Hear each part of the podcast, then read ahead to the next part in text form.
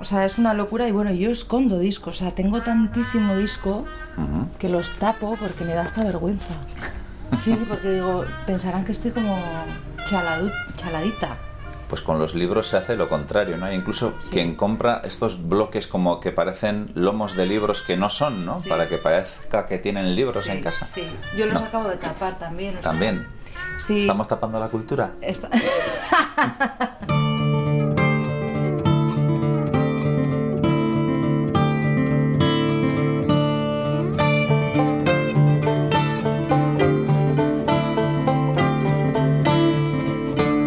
mí la ama me dio un grandísimo consejo porque yo cuando em- empecé a cantar trataba de imitar algunas maneras y no me funcionaban, yo no estaba cómoda y mi madre que me conoce, pues como si fuera mi madre, pues enseguida un día me dijo, Ainara, Sucea, tú eres muy espontánea, natural, divertida y fresca. No hagas otra cosa. Ostras, me quito una tonelada.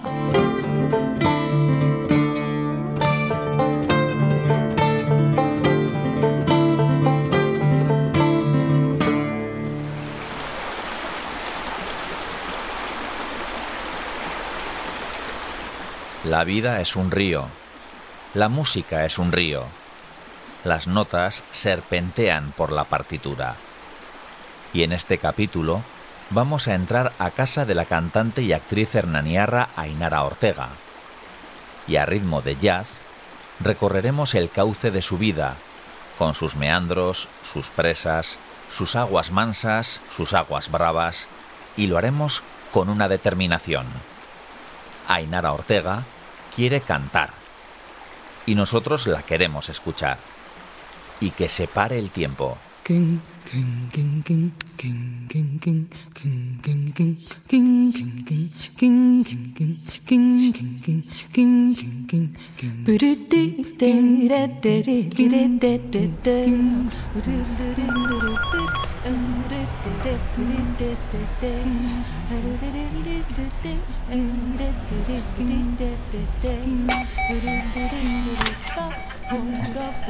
Egunon. Ainara vive en su Hernani natal, un primer piso en un barrio bastante reciente, construido en una de las entradas del pueblo. Esto es Estamos Dentro. Yo soy John Martija y con Ulu Media y ITV Podcast componemos el trío de acompañamiento de esta charla con Ainara. Eunon, Te iba a decir que era el técnico de la caldera, pero soy el, el de la caldera. galdera. Chiste malo. Galdera bai, zuz. Egunon. Egunon. Mikroakin sartu nahi zu, venga. Qué entrada más curiosa, ¿no? Bueno, esto es un cortafuegos que yo poco voy a cortar, por lo que ves. Baño, bueno, todo el mundo lo tiene así, ¿eh? Has Decorado. ido ahí ocupando terreno. Voy ocupando, claro, mundu guztiak egiten du hau, o sea que... Tenéis puerta ahí como de, sí, de, de submarino. de- claro, es que es de cortafuegos. Ujú. Bienvenido a este garito. Gracias. Garito de After Hours, ¿no? Beti, etxea beti daula... bueno, pues ya me ha costado encontrar el 5, ¿eh? Sí, He entrado a la plaza 4, Claro, 6, claro. 7, 9, 11, digo, ¿y el 5? sí, ya suele pasar, ¿eh? Ya suele pasar, va, y claro, está, está tan a la vista que a veces nos metemos ahí en la plazoleta, Sí. ¿no? He aparcado rápido, eso sí, que Joder, he pues en, tenido suerte. en Hernani ya sabes cómo es, ¿no? Va ahí. Dale, Bueno, Shem. Una mes... mira, esa mesita nos puede ir de Nos vale, perlas ¿no? Para... para- sacar el tarot también, ¿no? Nos vale. También. ¿Has visto? Bueno, la música, una constante, ¿no? bueno, no constante, o sea, me gusta mucho, mucho, muchísimo el silencio. O sea, silencio o así, música muy... Tiene que ser como muy elegida. Pero igual para hablar, que nos acompaña el silencio. Sí, sin duda, sin duda. Fíjate cómo lo voy a hacer, John Martija. Fade out. Hombre, por favor, fundido. o sea, eso del... ¡Cum!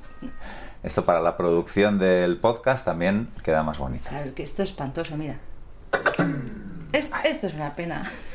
Y he visto al, al compañero de piso por ahí. Sí, anda por aquí, no sé qué está haciendo. Yo le suelo decir, vete a pasar al bule, venga, con los colegas, vete por ahí. Te doy 5 euros, vete. Común europeo. Sí, Sí. Digo, si no hay un gato común Son todos especiales. ¿Lo has visto por ahí? Para la derecha ha ido. Ah. Aquí en el balcón. Sí, tiene, tiene, tiene. ¿Aparecerá o, o no? ¿O pasará de nosotros? Aparecerá... Pasará de mí. No, no, sí, te hará un poquito así, pero súper cariñoso, súper. Mucho más que yo. Ahí, ahí está, ahí está. Mira, mira. aquí entra. ¿Cómo se llama? Allá. Caixo allá. Allá se llama por la Sayaco Arriac.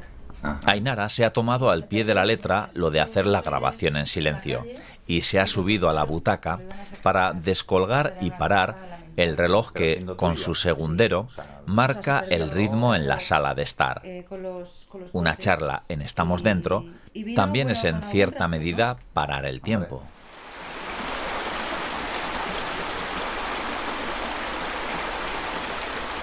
Probamos tu micrófono. Ahí, ahí, estoy, Estás, estás. estoy. Estamos en, Estamos. en casa de Ainara Ortega. Ainara, en tu Hernani natal, Mm. viviendo una casita en la que escondes la cultura.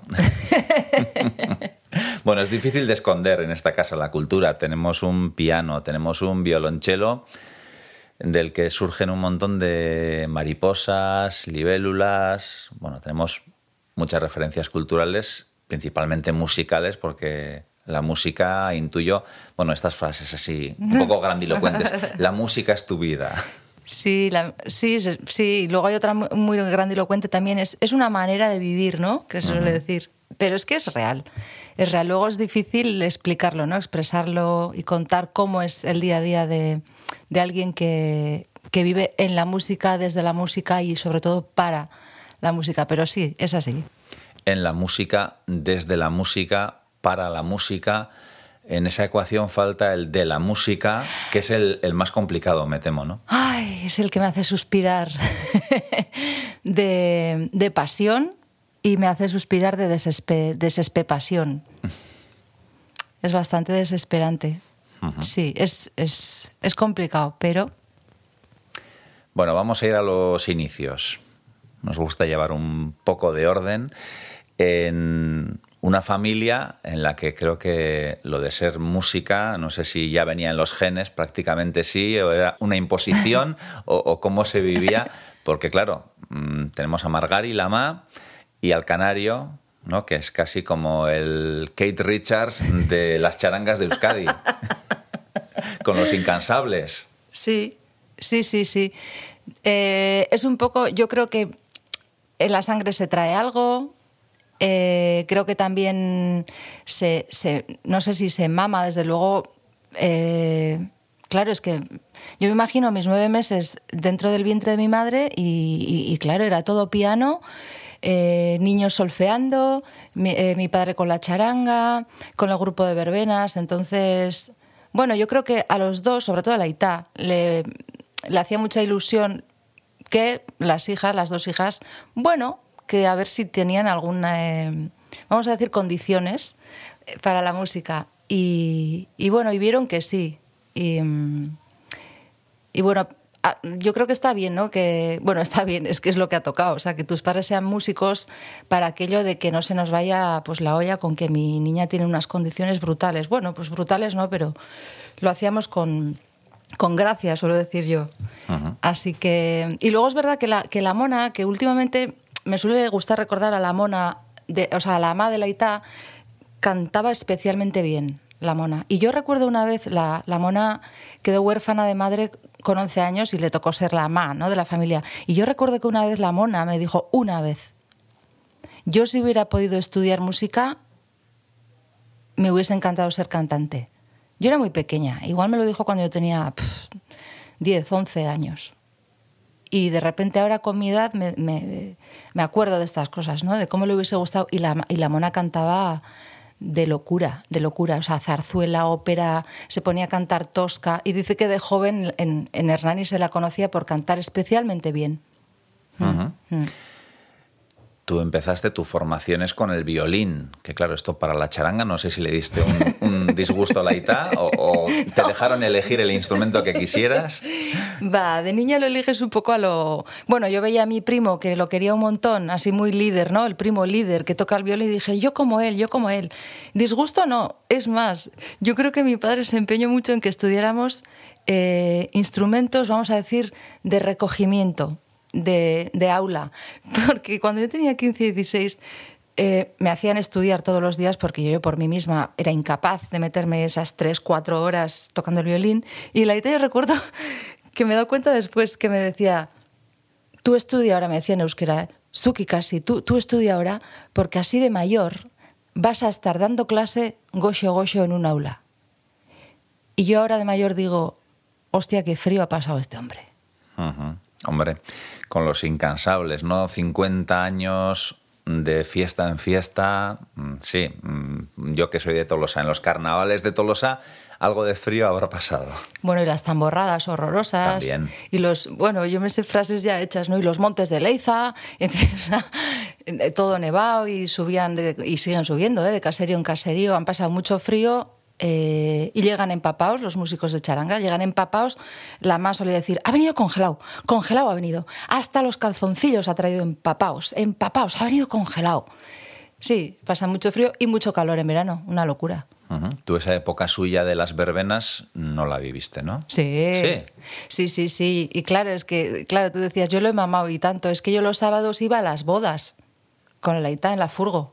Yo me subía al camión con los musiquitos yo tendría cuatro o cinco años y todos los sábados íbamos a las bodas. Y la tarta, el vals, y esta niña quién es, y esta niña a bailar. Y esta niña a cantar y esta niña a bailar. Un poco como, o sea, un poco Marisol, ¿no? Por ahí. La hija de la folclórica, casi. Sí, sí, sí, sí. Sí, sí, he conocido. Sí, sí, verbenas y lo de las bodas me parece una fantasía. O sea, yo lo recuerdo con yo he estado en muchísimas bodas. Yo a veces digo, yo estar en los VHS de la gente bailando, una niña que nadie sabe quién es. Sí, sí, una gozada. Y ahora llevan DJ. Mm. Ya no es lo mismo, como en tantas cosas. Para mí no lo es. ni mejor ni peor, digamos, dejémoslo ahí. Sí. No entremos en valoraciones, pero no es lo mismo. No, no tiene la frescura, lo real, lo inmediato, lo de verdad. La mamá dice que su boda fue la boda más guay que han visto, porque lo que hicieron fue poner el set de instrumentos, pusieron todo, ¿no? El teclado, guitarra, bajo, el aita se llevó los, los, los pitos, bueno, los metales, tal, esto, el otro, flauta, saxo, tal. Y claro, todos los invitados eran músicos. Entonces no había orquesta contratada y bueno, creo que estuvieron... O sea, o sea una jam session allí, ¿no? Sí, sí, sí, hasta las mil, hasta las mil. Eso me parece una, una gozada. ¿Tu hermana toca algo? Sí. Mi hermana es una gran pianista y canta también. Em, sí, mi hermana estudió piano mientras yo estudiaba violín. Yo terminé antes por edad. y ahí nos íbamos animando, ¿no? Pues eh, porque hicimos las dos pues la carrera de clásico, que es lo que, es lo que toca. O sea, es lo que había en mi época, desde luego. No, no había nada de moderno ni, ni mucha posibilidad de, de salirte de ese, de ese carril. Y mi hermana hizo piano clásico. Luego ya se puso a estudiar, le apetecía saber algo de jazz, también estudió algo de jazz. Luego se fue a Argentina y allí se especializó, voy a decir, en, folclore argentino y es, es maravillosa. Hmm. Bueno, vive en Argentina. No, no, en Herrania, aquí al lado. Ah, vale, vale. fue, se vino un argentino, se vino un argentino con ella, se vio Arroz, grandísimo guitarrista, y, y, bueno, los dos componen y hacen arreglos y hemos solido tocar juntos y o sea que esto es el día a día. O sea que cuando hay, tal y como pasó en la boda, cuando hay reunión familiar, mm, seguro que algo suena por ahí.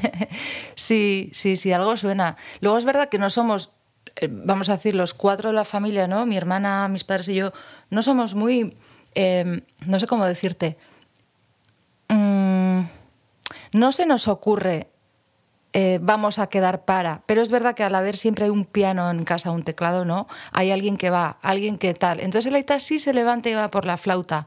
Pero nunca se sabe, no en todas las reuniones va a ocurrir. Pero ahora mismo, por ejemplo, me dice mi hermana, hay junta de Argentina y vamos a ir a comer. Y yo le he dicho en argentino, uy, qué paja me da, me daba pereza, qué paja. Pero bueno, ya la, siguiente pregunta es, eh, ¿hay guitarra? ¿Alguien lleva el bombo? Ya, ya tentando ahí, ¿no? Bueno, ese violín que te sacaste toda la, toda la carrera, muchos años de esfuerzo, como decías, mm, había que animarte ¿no? a, que, a que estudiaras. Yo es algo que he hecho de menos de niño. No tuve formación musical más allá de la Icastola, que le teníamos bastante paquete, todo se ha dicho. Mm. Pero sí que a posteriori pues creo que, que esa disciplina también, ¿no? Que exige la formación, el estudio de un instrumento, te puede ayudar en otras facetas de la vida, ¿no? Sí. De hecho, lo estuvimos hablando, mira, exactamente así, como lo estás contando. Lo hablábamos el otro día, íbamos con los sobrinos, con mi cuñado Sebi, hablando de música y tal, ¿no? Y, él, y hacía un poco la misma valoración. Eh, sí, que, forja de alguna manera también un poco tu carácter respecto a, luego tomar nuevos hábitos, vamos a decir, ¿no? Y, sí, sí, sí, hay algo, algo, algo de eso.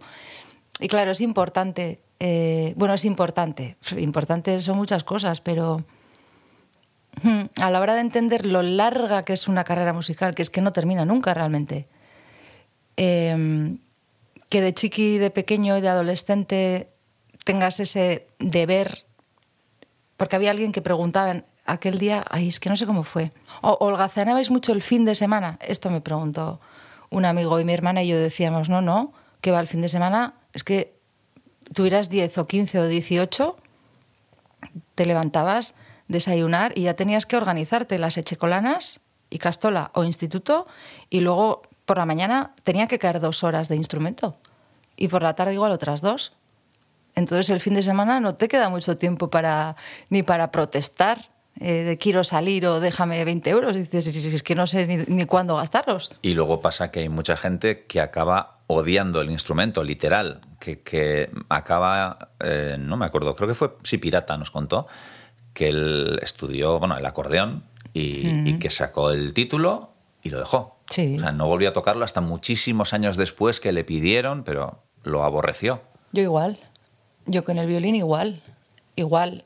Es que, es que, es que era muy dura la formación, o sea, no la formación, sino eh, algunos profesores. Cómo te hablan, cómo te tratan, no darse cuenta de que, de que tienes 12 años, de que no estás entendiendo. Incluso yo recuerdo el, choque eh, lingüístico, ¿no? Porque íbamos desde, pues eso, hoy todos los profes te hablan en castellano, yo no entendía de qué me estaban hablando un poco duro. Entonces, a mí sí me ocurrió que llegué a odiarlo y a tenerle una especie de amor-odio tremendo y un poco de pánico también, ¿no? Entonces tienes que volver a, desde el adulto, conectar con aquella niña y decir qué sentía yo y esto es mío, o sea, esto es mío y no me lo roba nadie. ¿Por qué? ¿Por qué me van a robar a mí el disfrute, lo que es? Es más, yo hice una canción así con toda humildad, la hice en el, en el disco Scat, que lo tenemos aquí. Eh, bueno, es un nocturno de Chopin y le puse letra. Le puse letra y es autobiográfica y hablo de la experiencia que tuve yo con el violín y mi profesora, ¿no? Eh, y el título, le puse un título con, con, con, permiso de Chopin, que no, que no, no, no está. pues le puse, con la música no se juega. Mejor que lo dejes. Yo sé que estudias muy poquito, nada. La música no es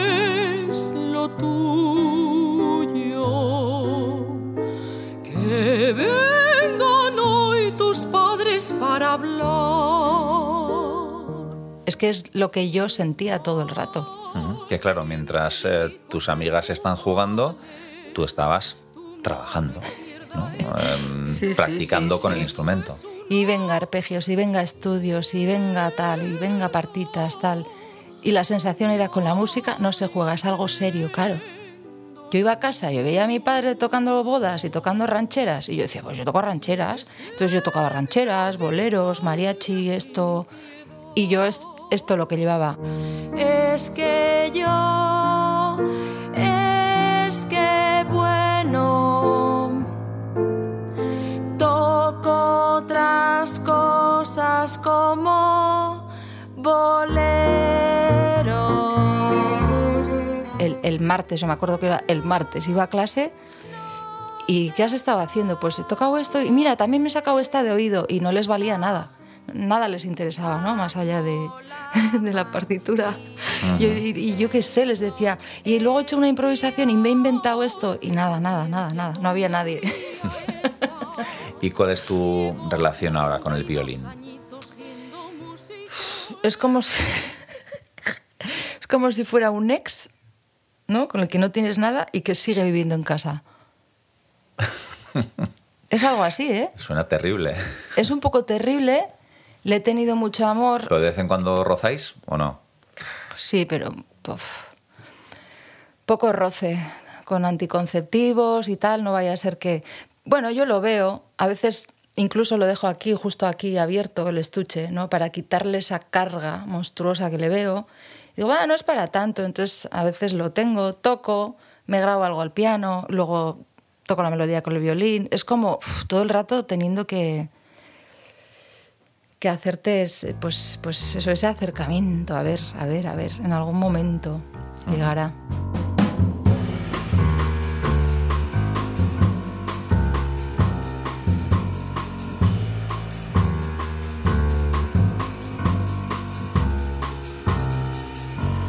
You are the promised kiss of springtime. Dejamos atrás ese ex con el que convive Ainara Ortega y del violín saltamos a la voz. Pues es que yo quiero cantar, lo he dicho por primera vez este año, que tengo 42 tacos. ¿Mm? Es la primera vez que lo digo. Y, y, me estaba ahora acordando de Elena Irureta, ¿no? Porque Elena Irureta, eh, ella misma suele decir que nunca ella dijo quiero ser actriz y sin embargo lleva trabajando 40 años, ¿no? Y no dice no hay manera de dejarlo ni de cogerlo a la vez y sigue y sigue. Entonces con la voz fue un poco así, ¿eh? eh más, más inconscientemente. Yo de hecho estaba estudiando psicología y lo dejé, no sé si en segundo y medio. Lo intenté con tercero, pero no. Hice las pruebas de, de canto, que se abría un departamento de jazz, que era una cosa insólita en Donosti hice las pruebas un poco al tuntún, preparándomelas un poco, y, entré, y entonces la vida de repente coge otro, otro camino. Esto de que hasta los 42 no hayas dicho o no hayas mm, expresado yo quiero cantar, no sé si significa que a lo largo de esa trayectoria te has sentido un poco great pretender, ¿no? Un poco impostora o, alguien que está mm, haciendo algo que quizás no es lo que le corresponde o, que la gente pues lo percibe de una manera y tú lo percibes de otra. Jo, qué interesante. Yo lo del síndrome de impostora, que el otro día le estuve escuchando a Mankai, que creo que hablaba de esto, ¿no? Contigo, me, suena. Eh, no lo he sentido nunca. Igual es que realmente soy impostora y no es un síndrome. Yo creo que obedece más a la, a la etapa en la que, en la que mm, he vivido cantando, ¿no? De los 20 a la edad que tengo ahora. Yo creo que obedece más eso, a la, edad. Mm, eres, bueno, pues claro, lógicamente eres menos madura. Vas haciendo, es lo que dice, por eso me acuerdo tanto de Elena Irureta, ¿no? Que dice, vas haciendo y te llaman y genial y estupendo y luego hay proyectos a los que pues igual digo que no, porque no me veo en ese sitio y el otro me viene un poco grande. y también lo he solido decir, esto me viene grande en este momento y, sé que no lo voy a hacer guay. Yo creo que es más que entre los 20 hasta los 30 y tantos, yo personalmente lo he vivido de una manera más normal, natural, y ahora es como si fuera un... Bueno, como si fuera realmente ya un acto de fe. Bueno, vamos a ponernos ya serias. O una reivindicación. Yo quiero cantar. Sí, sí. Es como conectar mm, real y verdaderamente con mi propósito, que yo ya, por fin, me doy cuenta de que es ese. Y luego habrá otros mm, daños colaterales o flecos, pero es ese. Encima, claro, el cantante eh, o la cantante, en muchas ocasiones, quizás en el jazz, bueno, pues puede mm, quedar un poco más difuso según el caso, pero bueno, sí que el foco está puesto sobre ella eh, y no tienes un instrumento mm, tras el que esconderte, ¿no? Estás mm. ahí expuesta mm. y eso también, bueno, hay que saber llevarlo. Eso es jodidísimo. Eso es jodidísimo. Y es, y claro, es que no nos damos cuenta. Y los músicos en general, a mis compañeros les suelo decir, es que no os dais cuenta de la, la responsabilidad que tenemos porque eres siempre eres frontwoman, lo cual significa que también vas a tener menos bolos. A ti no te llaman como a un batería. Tú tienes un bolo en este sitio y como dicen en la tele, tu cara ya está quemada, ya se ha quemado, ¿no? Eh, y yo con esto lo pasé muy mal, con, con, cómo estar en escena, cómo se presenta. Yo tenía mis referentes, pero no me estaban funcionando. Yo me acuerdo cuando me empecé a cantar, siempre se lo digo ¿eh? a la ma, eh, y creo que siempre se lo olvida, pero a mí la ma me dio un grandísimo consejo, porque yo cuando empecé a cantar trataba de imitar algunas maneras y no me funcionaban, yo no estaba cómoda y mi madre que me conoce, pues como si fuera mi madre, pues enseguida un día me dijo, Ainara, Sucea, tú eres muy espontánea, natural, divertida y fresca. No hagas otra cosa. Ostras, me quitó una tonelada. Deja la impostura y sé tú. Claro, yo intentaba aquello de buenas noches, tal, no sé qué. Y no me sale. que soy de, de. Voy a decir que de caserío, pero. Entonces ya voy al escenario y estoy como mucho más fresca. Eh, hay conversación entre los músicos, les cuento, al público le cuento que le estoy diciendo que ese acorde que ha puesto, que esto, que lo otro. ¿A usted qué le parece? Hace poco terminé en el Café Central de Madrid hablando con todo el público, los músicos esperándome, nos moríamos de risa, hablando de la mili, como si yo supiera algo. yo tampoco. y un señor que habla, sí, hombre, porque en la mili el calimocho se inventó en la mili, eso no es de los vascos, anda, no me diga usted y tal. Y luego hablas de música, o sea... Entonces, ese es un poco mi, mi rollo, ¿no? Y a quien no le guste, pues no le gustará. Y hay gente que dirá, ay chica, se me hace un poquito, no sé, pues hablar a alguien, no sé, popular o, o demasiado tal, pero... Sí, porque de hecho yo creo que la cantante también es quien es más consciente de las reacciones del público, ¿no? Y, y, claro, ves las caras, ves si están conectando, ves si están bostezando y todo eso también afecta a tu interpretación. Una pasada. Te puede afectar una, una pasada, o sea verte, bueno, claro, con 20 o 25 años te afecta, con 30 a mí ya menos, con 35 ya me importaba muy poco y ahora nada, o sea, importarme, o sea, me estás entendiendo, ¿no, eh, John? Pero, pero sí, claro, se percibe todo. Sobre todo he aprendido algo que intento transmitir a, la, a las siguientes generaciones y es que cuando el público está muy serio, es que están súper a gusto.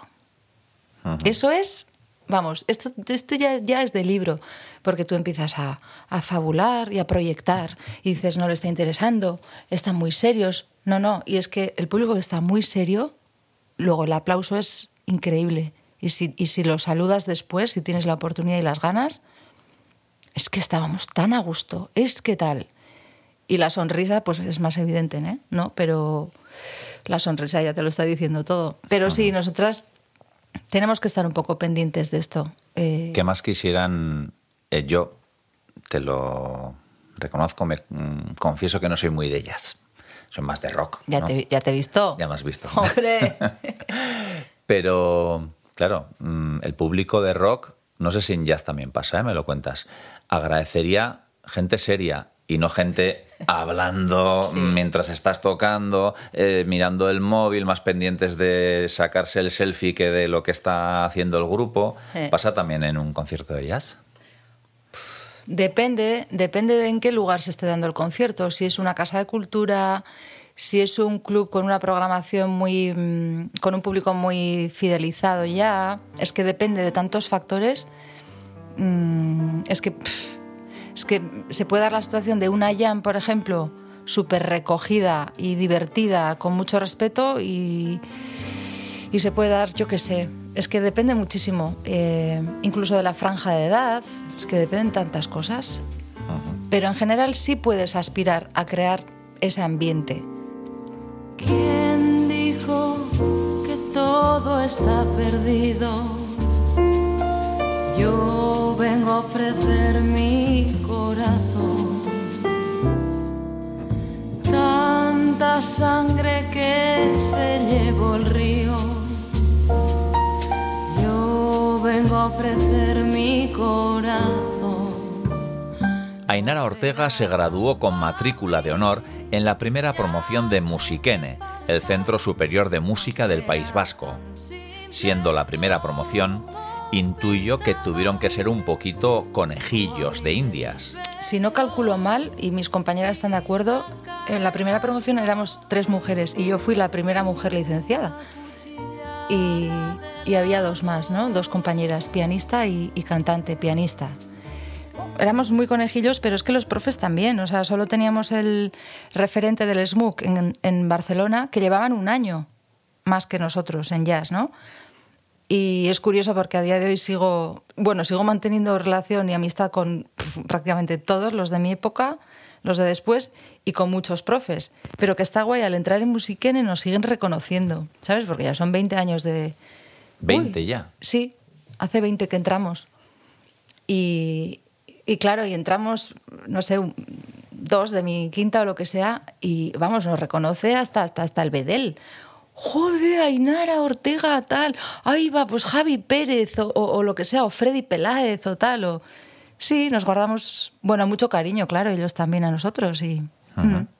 eh, lo has dicho tú y, y, lo has puesto sobre la mesa. Erais en esa primera promoción tres mujeres y dos cantantes y una pianista. Es decir, no, no había contrabajistas, no había baterías.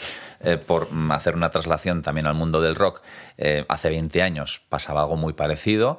Eh, cada vez pues bueno, se ven más mujeres en el rock, en la música en general, tocando todo tipo de instrumentos. Y de hecho hace unos años no hubo una polémica en el Azkena Rock Festival porque no había en el cartel, en la programación, mm. ninguna artista femenina. Mm. En el jazz eh, sí que, hombre, cuando hablamos de voces del jazz pensamos en muchas mujeres. Pero claro, mmm, pienso, una contrabajista de jazz, mm. la habrá seguro, ¿eh? yo no conozco ese mundo, o baterías, pero seguramente eh, los referentes que nos vienen son todos masculinos. Qué temazo, John, qué temazo. Claro, es que los referentes hace 20 años, yo puedo hablar de 20 años, las mujeres eran cantantes. A día de hoy en el jazz ya se puede ver de todo y a unos niveles estratosféricos. Eh, pero ahora que has dicho lo de los carteles, el otro día tuve como un eh, pequeño roce con un compañero que es más joven que yo y es músico de jazz. Y es que a mí me sigue llamando la atención cuando veo carteles a día de hoy, ¿eh? Uh -huh. A día de hoy exclusivamente eh, de hombres, bueno, incluso las fotos, ¿no? Yo esto lo, lo, he, lo he mamado mucho también con la ma y con mis tía, tía abuela y tal, ¿no?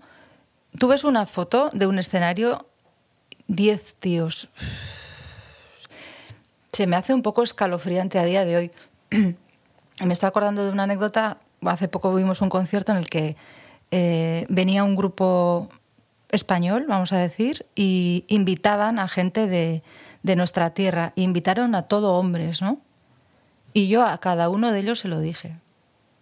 Ay, ya, es que, mira, les dije, se me ocurría esta persona, esta otra, esta mujer, esta señora que toca hace 30 años, y esta otra, y esta otra. Es que lo sintomático de eso es que al momento en el que pasa no son conscientes. Eso es, eso es. Digo, yo no lo digo que hagáis, que lo hagáis a malas, pero es que lo tenéis tan, integra tan integrado que no os dais cuenta de, de, pues eso, de que, ostras, vamos a acordarnos de, de tal. Es como, es como si fuéramos un pelín invisibles de repente, ¿no? Que luego en el discurso estamos y en el 8M también y tal. Pero cuando llega a la realidad, digo, pero no os habéis acordado, incluso, me atrevo a decir, ¿eh? ¿No os ha ocurrido ceder el sitio a alguien que como tú siendo mujer, lleva los mismos años que tú, ceder ese espacio, ese sitio. Y de esto discutía con este colega y yo le hacía un poco el símil respecto a edades, ¿no? Siempre se dice que hay que tocar con los mejores. Y yo he tocado con gente maravillosa, grandísima, enorme, pero también tengo el ojo puesto en la siguiente generación. Y dentro de lo que es la siguiente generación, si puedo invitar yo a un músico, también tengo que tener otro plus más de música. ¿Sabes? Es bonito tener un poco una visión periférica. Me parece interesante porque si no, bueno, pues seguiríamos eso viendo en el escenario cinco, cinco machotes y lo disfruto un montón, ¿eh? Y estando dentro, estando de público, estando en camerinos. Así que sí, es un temazo. un melón que hemos, que hemos abierto. Eh, musiquene, mm, y la formación, decías, ¿no? Profesores en, en tu infancia que una cosa es ser músico y otra cosa es ser profesor de música y tener esa capacidad pedagógica de, de poder explicar, de poder enseñar, que, que es algo muy complejo. Uf. Sí, es que, es que es otro universo. Que en Musiquene seguramente, mm, pues sí, por nombre, Eh. hay nombres muy conocidos, Eh. no voy a citar a nadie, pero puede que sean grandes músicos, pero no grandes profesores. Por supuesto, por supuesto. Hay grandes pedagogos. Es que no es que les guste la enseñanza, es que me estoy acordando de algunos de ellos, es que te das cuenta de que son eh, amantes del ser humano y quieren conectar y saben conectar con esa edad. Tengan 20, tengan 27 y con las circunstancias que estén viviendo y sus frustraciones y tal. Y luego todo lo contrario, ¿no? Eh, en el otro extremo yo pondría a los profes que no siendo buenos pedagogos, eh, son tan grandes músicos y tan, tan humanos y tan sencillos que lo más maravilloso que te podía pasar es ir a clase y escucharle. Escucharle tocar y hablar de la vida, de la vida, de los bolos y tocar, y tocar, y cantar, y cantar. Y luego en medio, en medio, vamos a decir que están los, los, los, ¿qué voy a decir? Los, sinceramente, los que no, no tendrían que estar Los transmitiendo. funcionarios o, o de mentalidad funcionarial. Yo creo que me voy a atrever a decir que incluso es un poco más hipócrita que eso. Porque ya lo estoy viendo con gente de mi generación, me da muchísima pena. Eh, compañeros, compañeras pocas que se ceban mucho y de repente están reproduciendo esa manera antigua, vieja, obsoleta de, de, no sé, de machacar y de ser borde y decir sandeces, porque algunos dicen sandeces. Y con la edad te das cuenta de que son, como pasa en todos los gremios, son músicos frustrados que si tuvieran la oportunidad de vivir de la música en directo, no estarían ahí. Entonces yo tengo colegas de mi edad que les he dicho, si tuvieras tú 100 bolos al año, ¿tú estarías dando clases? No. Pues tío, sé honesto contigo. O por lo menos no te cebes con un chaval de 20, de 23. Es que, es que, es que me pongo... uf, sí, sí, ahí ya me sale... La peli White Plush, supongo que la habrás Uy, visto. ni la vi, no, no, no, podía, no podía, no podía. Mira, la vi cuando, cuando, cuando yo vivía con Lander en esta casa, la pusimos ahí, yo estaba sentada ahí, yo, yo me levanté, en 10 minutos creo que me levanté 16 veces. O sea, no, no, no, no soportamos la peli ni 10 minutos, porque también creo que está un poco exagerada, sobredimensionada. Por ahí van los tiros.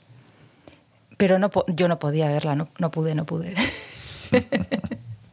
Bueno, quien no la haya visto, tampoco vamos a hacerle spoilers, pero bueno, sí que es un, un método pedagógico un poco Dudoso. excesivo. Mm, Sí, Ainara, sí.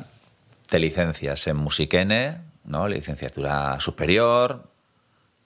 Ya uno tiene que decidir su camino, ¿no? Eh, no sé si las expectativas que muchas veces ocurren, ¿no? Con las carreras, con los grados, que ya pensamos que con el título ya está todo hecho. Mm. Y me temo que en el mundo de la música todavía es bastante más complicado. Sí, yo diría que muchísimo más complicado, y más en este país. Sí, súper, súper, súper. Yo, de hecho, este año pues comparto mucho ¿no? con mis excompañeros, y, pero sin embargo, amigos y amigas. Ostras, de verdad, en los conservatorios, dejaros de milongas y de inventaros másters y el máster superior en tal.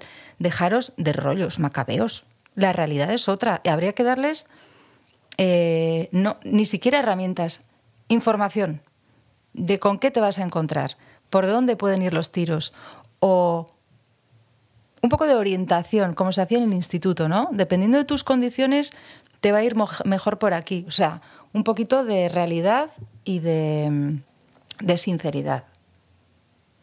Mira, había un profesor en Musiquene al que yo quiero mucho, pero desapareció el 2021, Bob Sanz, un gran americano venido a, a España. Y, Bob tenía una frase bestial. Y Bob decía, yo es que me siento como que estoy vendiendo billetes para el Titanic, ¿no? Es que Muy gráfico. Claro, es que él era mordaz, además, ¿no? Pero es que era perfecto. Digo, sí, es que es esto.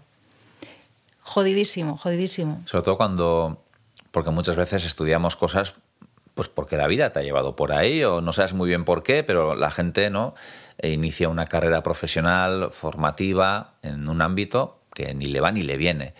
Pero claro, la música es, en casi todos los casos, entiendo que una vocación, una pasión, una manera de, lo que decías, de vivir, Sí. de sentir, de expresarte. Sí, sí, es una putada que la vas a arrastrar todos los días. Y la mayoría no vas a tener bolos ni ensayos para esos bolos. O sea, es, es una cosa...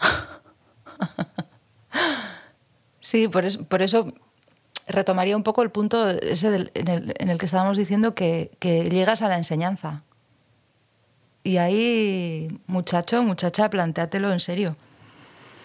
Y luego es eso, ¿no? Mm, Toda esta gente que se ha formado y se ha titulado, que quisiera ser intérprete, dar conciertos y acaba en la docencia, pues acaba dando clases y transmitiendo su frustración a, a esos alumnos que los pobres no tienen ninguna culpa. Es que es una pena, pero es que es así. Y yo diría que ese es el, voy a decir así por decir, ¿eh? el 90%. Y está bien, o sea, si, va, si te va bien, te va bien. Yo, yo en la enseñanza no reglada he estado muchísimos años ¿eh? y doy particulares todavía y tal. Eh, he dado lenguaje musical, armonía, he dado violín, he dado piano, he dado combos. eh, y bien, pero es que tienes que estar mejor que bien, o sea, tienes que ir contento. Y yo hay sitios a los que, bueno, pues no iba muy contenta, entonces yo donde no es no suelo estar. Eh, eso supone que, como dice Maya Zubiría, hay que vivir en precario. O sea, si tú quieres ser ¿no? un poco justa con lo que con lo que te o sea, con lo que expresa tu corazón, pues hay renuncias que hacer. Sí, es- Y no hacer grandes planes de futuro. no, ni de futuro ni de lunes que viene. O sea. Bueno, bueno, bueno, qué va, qué va, qué va. Luego tiene, tiene. Yo suelo pensar a veces, a ver, mi vida es, es rara de la hostia, ¿eh?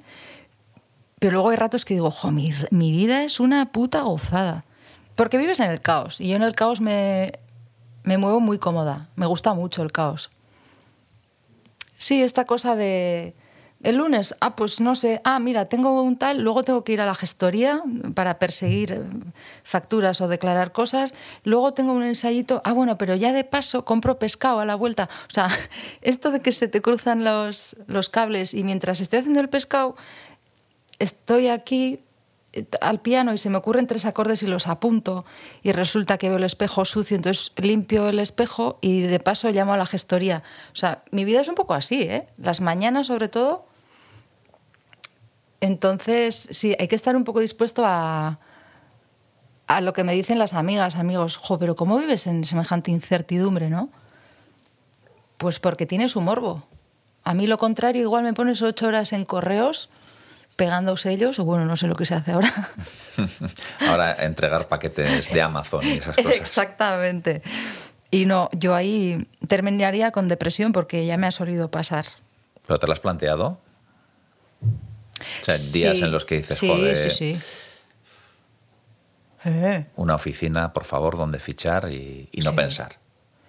Sí, sí, yo, yo este año he tirado la toalla dos veces y otras dos en la playa. Bueno, más de dos. Pero he tirado muchas veces la toalla este año, ¿eh? Estamos a noviembre, me quedan otras dos así. Y, y sí, pero es que luego vuelves a, otra vez a lo tuyo. Realmente... yo quiero cantar. Sí, sí, sí, sí. Me da incluso un poquito de pudor decirlo todavía, pero lo, lo haré, ¿eh? Igual al final de la entrevista.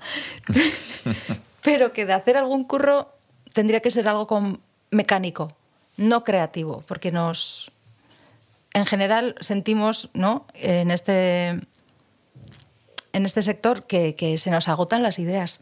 Entonces algo mecánico, sacar cafés. Pues sí, claro. Bueno, lo harías de maravilla, sobre Eh. todo la relación con el cliente. Sí. Sí, sí, el otro día, ayer me tomé un café abajo, que ya conozco toda la cafetería, todo el bar, hablo hasta con las piedras, como dice la ma. como un sacamuelas, dice que hablo. Y en la barra yo consumiendo, pero es que a la de dentro le estoy vendiendo. Digo, mira, ven, ven.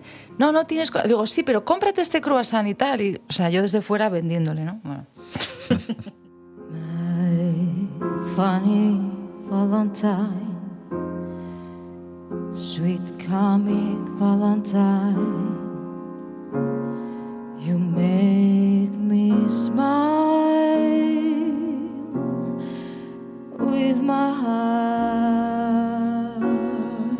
Ainara Ortega ha trabajado con muchos artistas y ha grabado varios discos como integrante de grupos, colaboradora o artista invitada.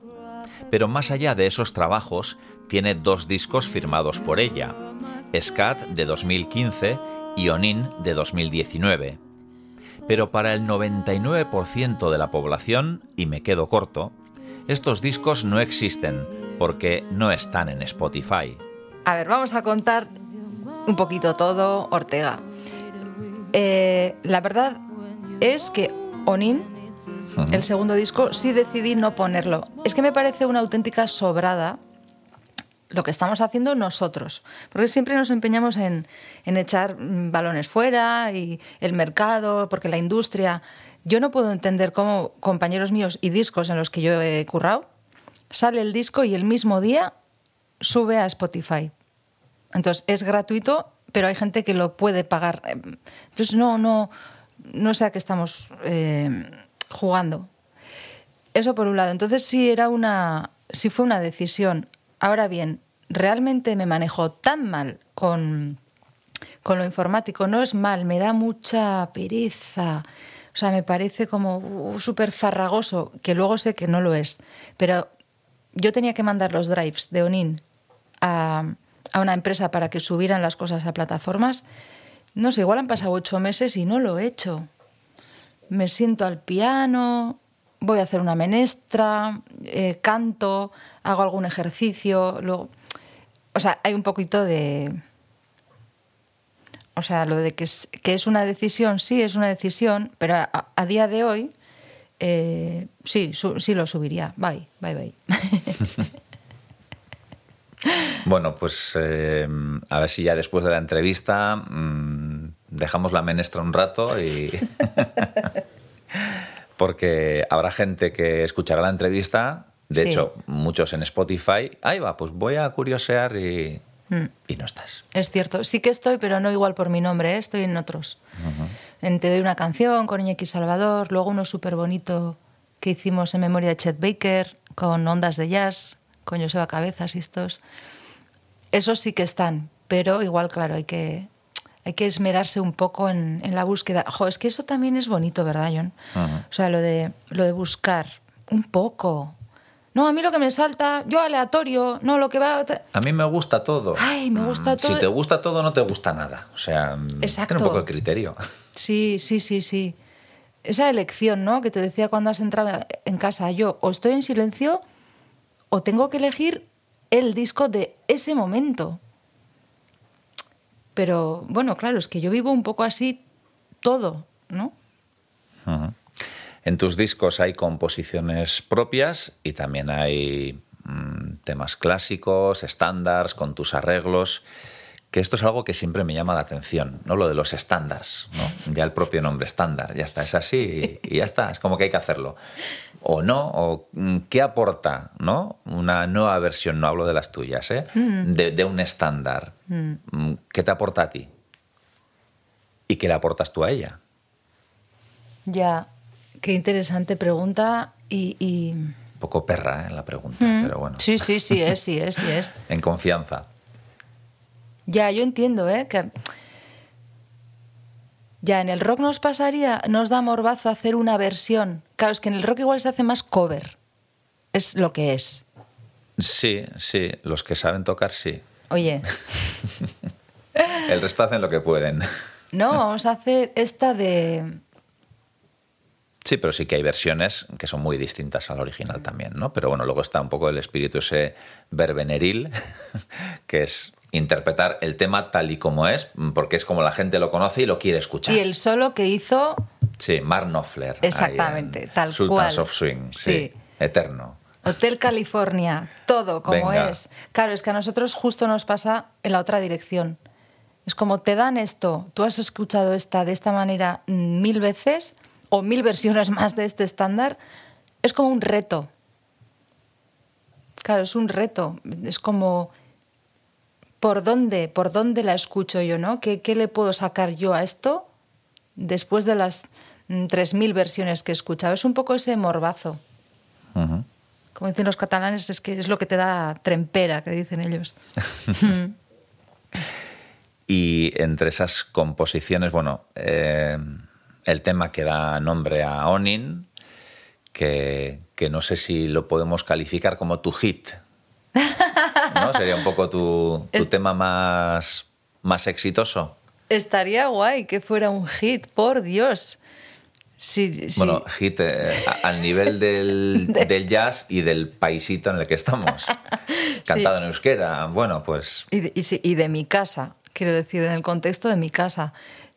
Sí, jolo, la verdad es que es, es, es, es curioso, pero es una canción que, que salió en 20 minutos toda de corrido con letra y todo. Es que yo veo la letra y digo, jo, es que hasta las rimas, o sea, están chim, pam, pum, pam, esto por aquí, por aquí, por allá. Entonces sí, o sea, sí, con Onin es verdad que tengo la sensación de... Es como una canción muy... No, no sé si decir Fellini o es un- tiene un rollo ahí como... ¿no?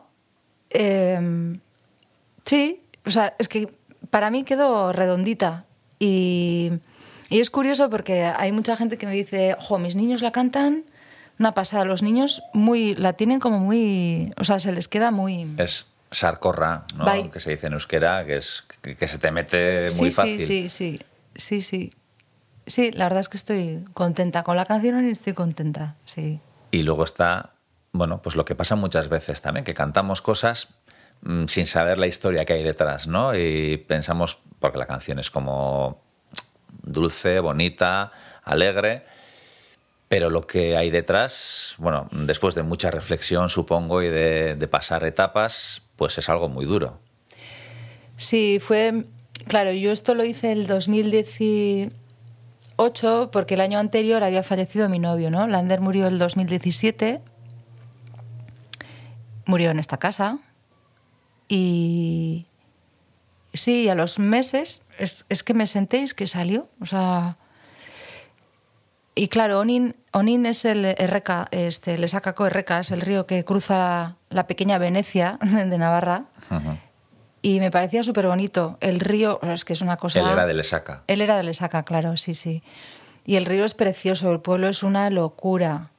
Eh, todos esos puentes y tal. Entonces, claro, es que lo que dices tú, cuando fallece alguien que lo tienes en casa, es tu compañero y de repente no está tan joven, ¿no? Con 20, no llegó a 27 años.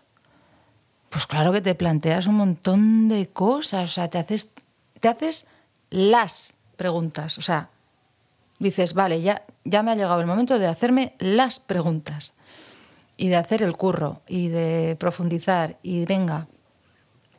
Y luego de buscar levedad a todo eso, ¿eh? Porque ojo con esos... Porque hay que seguir adelante. Claro, y hay que disfrutar la vida y honrarlos también desde esa, desde esa nueva vida, ¿no? Pero el río me parecía una metáfora tan bonita, porque es un río tan pequeño, el de Lesaca, o sea que el caudal es, pues nada.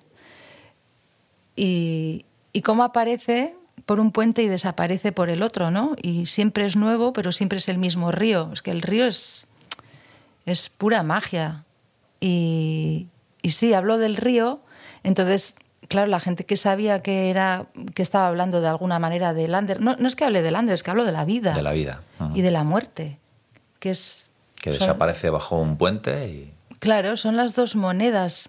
Y si no es por lo último, la vida, o sea, si no es por la muerte, la vida no tendría el, el valor y la profundidad que tiene.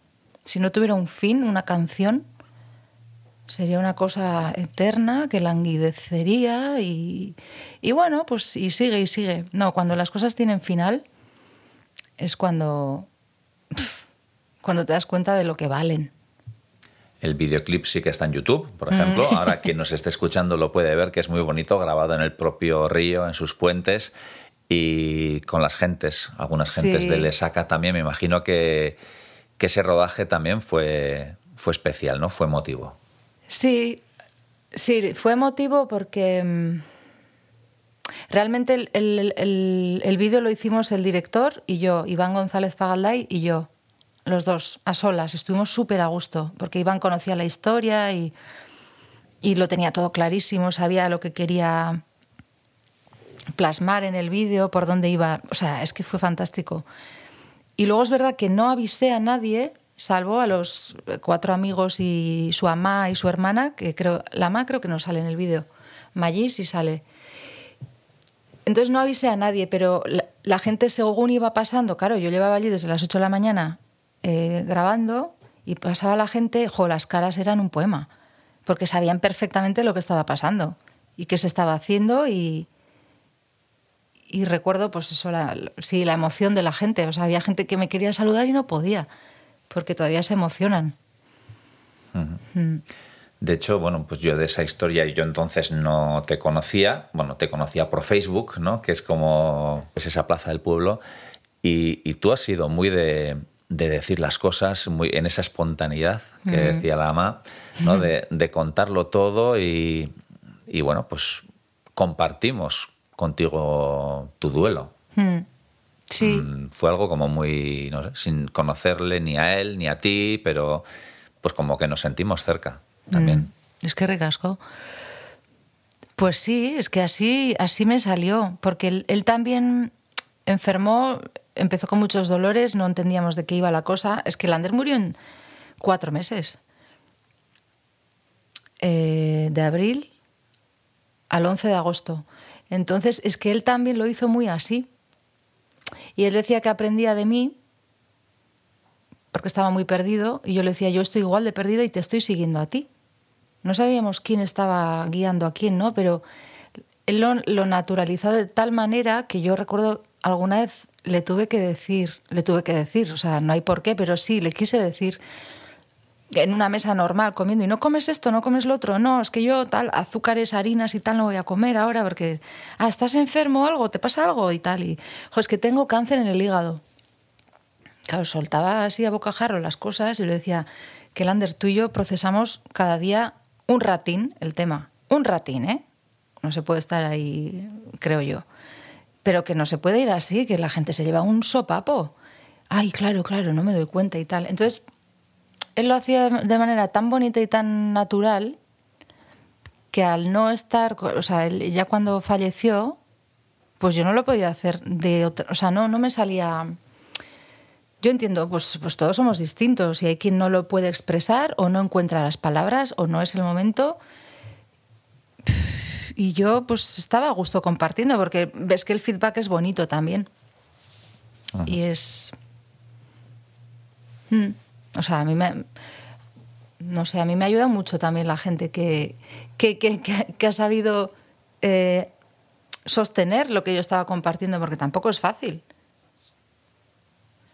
O sea que mm, súper, súper agradecida. a Lander, sobre todo, o sea, súper orgullosa de, de cómo fueron esos cuatro meses.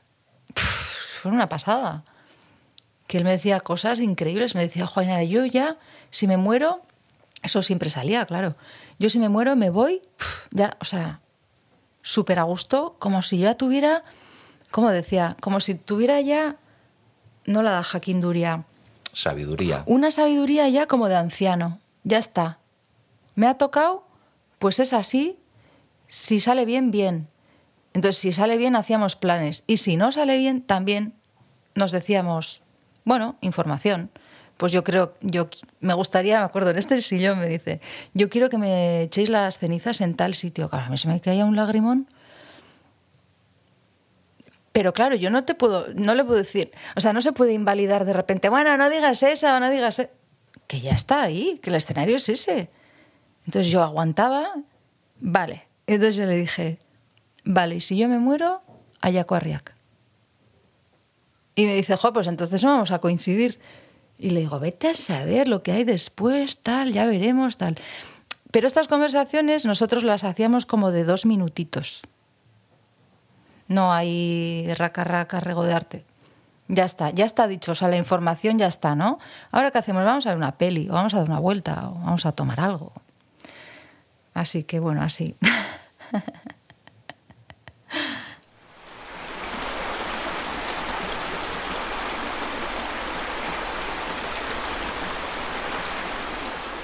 Más allá de su faceta musical, Ainara Ortega también ha trabajado como actriz en obras de teatro como, por citar algunas, Inalambricac, El Club de las Mujeres Invisibles, Sueño de una Noche de Verano, Mami Lebrun y en la serie televisiva Escamac Kentzen. Ainara, ¿hay algo de lo que decía Elena Irureta en esto del teatro y la televisión? Pues sí, es un poco del mismo palo, ¿eh, John? Es un poco parecido va saliendo, va saliendo y va saliendo. El otro, el otro día hice un, un casting ¿no? para, una, para un personaje en una, en una serie que se va a rodar. Hijo, y ya le dije a la directora casting, le dije, mm, ya me encontráis, eh, con lo recóndita que soy como actriz, que no me empeño, ni mando material, ni tengo representante, ni... Y se va dando, se va dando. Y, mm, y va por épocas también. O sea, últimamente se va dando menos, y está bien también, porque igual estoy más, más volcada yo en la música. Va por rachas, o sea, ha habido rachas en, las que más o menos vivía del teatro, que es una cosa loca. Pues porque te coinciden tres espectáculos con tal. Y, y bueno, la vida son ciclos, yo qué sé. Ahora estoy muy en, en, eso de que yo quiero cantar, que ya lo he dicho. Bueno, mm, no sé si nos vas a cantar algo ah, hoy aquí, que estaría bien, pero hablando de ciclos y de esos discos que ya no se compran, también suelen ser ciclos, ¿no? Scat fue 2015, Onin 2019. Hay disco, hay. Mm, o, ya. Mm, claro, es que al final la manera de conseguir conciertos también es tener algo que mostrar, algo nuevo. Hmm, material los últimos años ya si es audiovisual, ¿no? Mucho mejor. Sí, hombre, es que yo pájaros en la cabeza a todos. Lo que pasa es que hay que abrir la jaulita y sacar un pajarito y luego a ver luego tal. Sí, la, locura de, querer grabar y por dónde y tal siempre está. Y sobre todo estoy muy en el... como muy en recuperar a la, a la que quería cantar jazz. Jazz, jazz y jazz. Estoy un poco ahí, ¿eh? Luego no sé, y luego de repente igual me da por, por cantar boleros y rancheras. No lo sé, pero sí. El recorrido del jazz en este país ya sabemos cuál es, que en verano parece que todo el mundo oye jazz, porque tenemos festivales, que sí, Vitoria, Guecho, Donosti, pero el resto del año, mm, bueno, pues es algo más parecido a un erial que otra cosa. Totalmente. es que es que es así, pero ya es que, es que lo hemos dicho tantas veces, ¿verdad? En, tantos contextos, entrevistas, que yo es como que me agota. Entonces, directamente mi elección va a ser moverme yo. Me voy a mover yo. Aquí si no se mueve, ¿no? Si no... Sí, claro que hay festivales chiquititos, ¿no? Como el de... Me estoy acordando de Arama o de... No sé, sí, sí, claro que hay festivales pequeñitos, pero lo que has dicho tú, hay como tres dinosaurios y, luego el resto del año durísimo. O sea, y además es que el resto del año estás buscando. Yo esto lo vi en casa de pequeña con Laita y aprendí, es coger el teléfono para pedir trabajo. O sea, es el trabajo no remunerado para buscarte el curro. Entonces, es muy agotador. Así que yo creo que mi opción va a ser, pues eso, moverme yo.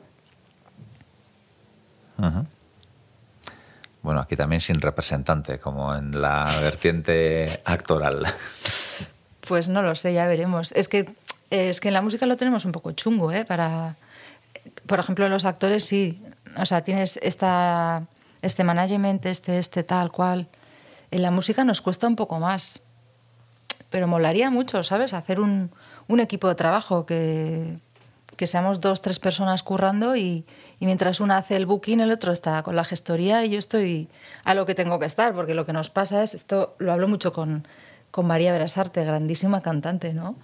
Que te estás viendo eligiendo la estrofa, eh, mientras el pianista te dice si este acorde el otro, mientras te está llamando el técnico de sonido, el, que, el afinador del piano y el... Dices, Dios mío, todo esto para un bolo, me estoy volviendo loca. Así que tener esos, Es que lo tendríamos que hacer entre nosotros, vendernos entre nosotros. Bueno, lo de la canción. Yo quiero cantar, nos lo has dicho unas cuantas veces. no sé qué podemos hacer y cómo. ¿Quieres que Si haga- podemos hacer algo. Sí, Está el piano aquí al lado. bye. Claro, es un piano eléctrico. Sí, ¿Esto porque- suena? ¿Tiene altavoces? Hombre, por- sí. eh, tiene, está autoamplificado. Vale. Eh, aquí hubo un piano, cuando, cuando falleció Lander, la ilusión que tenía él era tener un piano de pared. Entonces ha estado muchos años aquí, bueno, muchos, cinco, y ahora se lo llevaba a mi hermana, porque es la pianista, es mi hermana. La pianista de la familia. Sí, bueno, y la ma, pero la, mi hermana. Entonces, pues me he traído su teclado. Ujú. Hacemos Onin ahí, por ejemplo, no sé. A ver, venga, yo... A ver si me acuerdo, ¿eh? Preparamos, vamos a prepararlo, venga. pues venga, probamos. A ver si me acuerdo. Toma uno. Bye. No sé, me acordaré bien de la letra.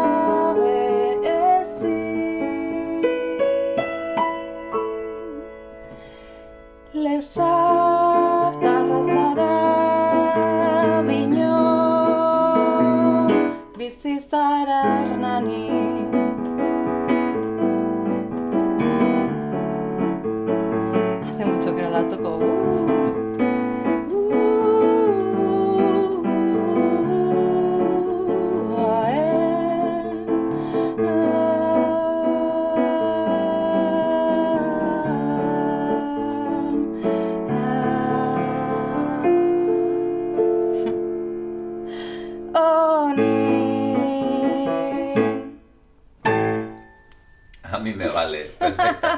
Porque en la vida también a veces nos equivocamos de acorde, Sí, y nos tanto. olvidamos de la letra. Y tanto, sí, hace un montón que no la tocaba. Es verdad.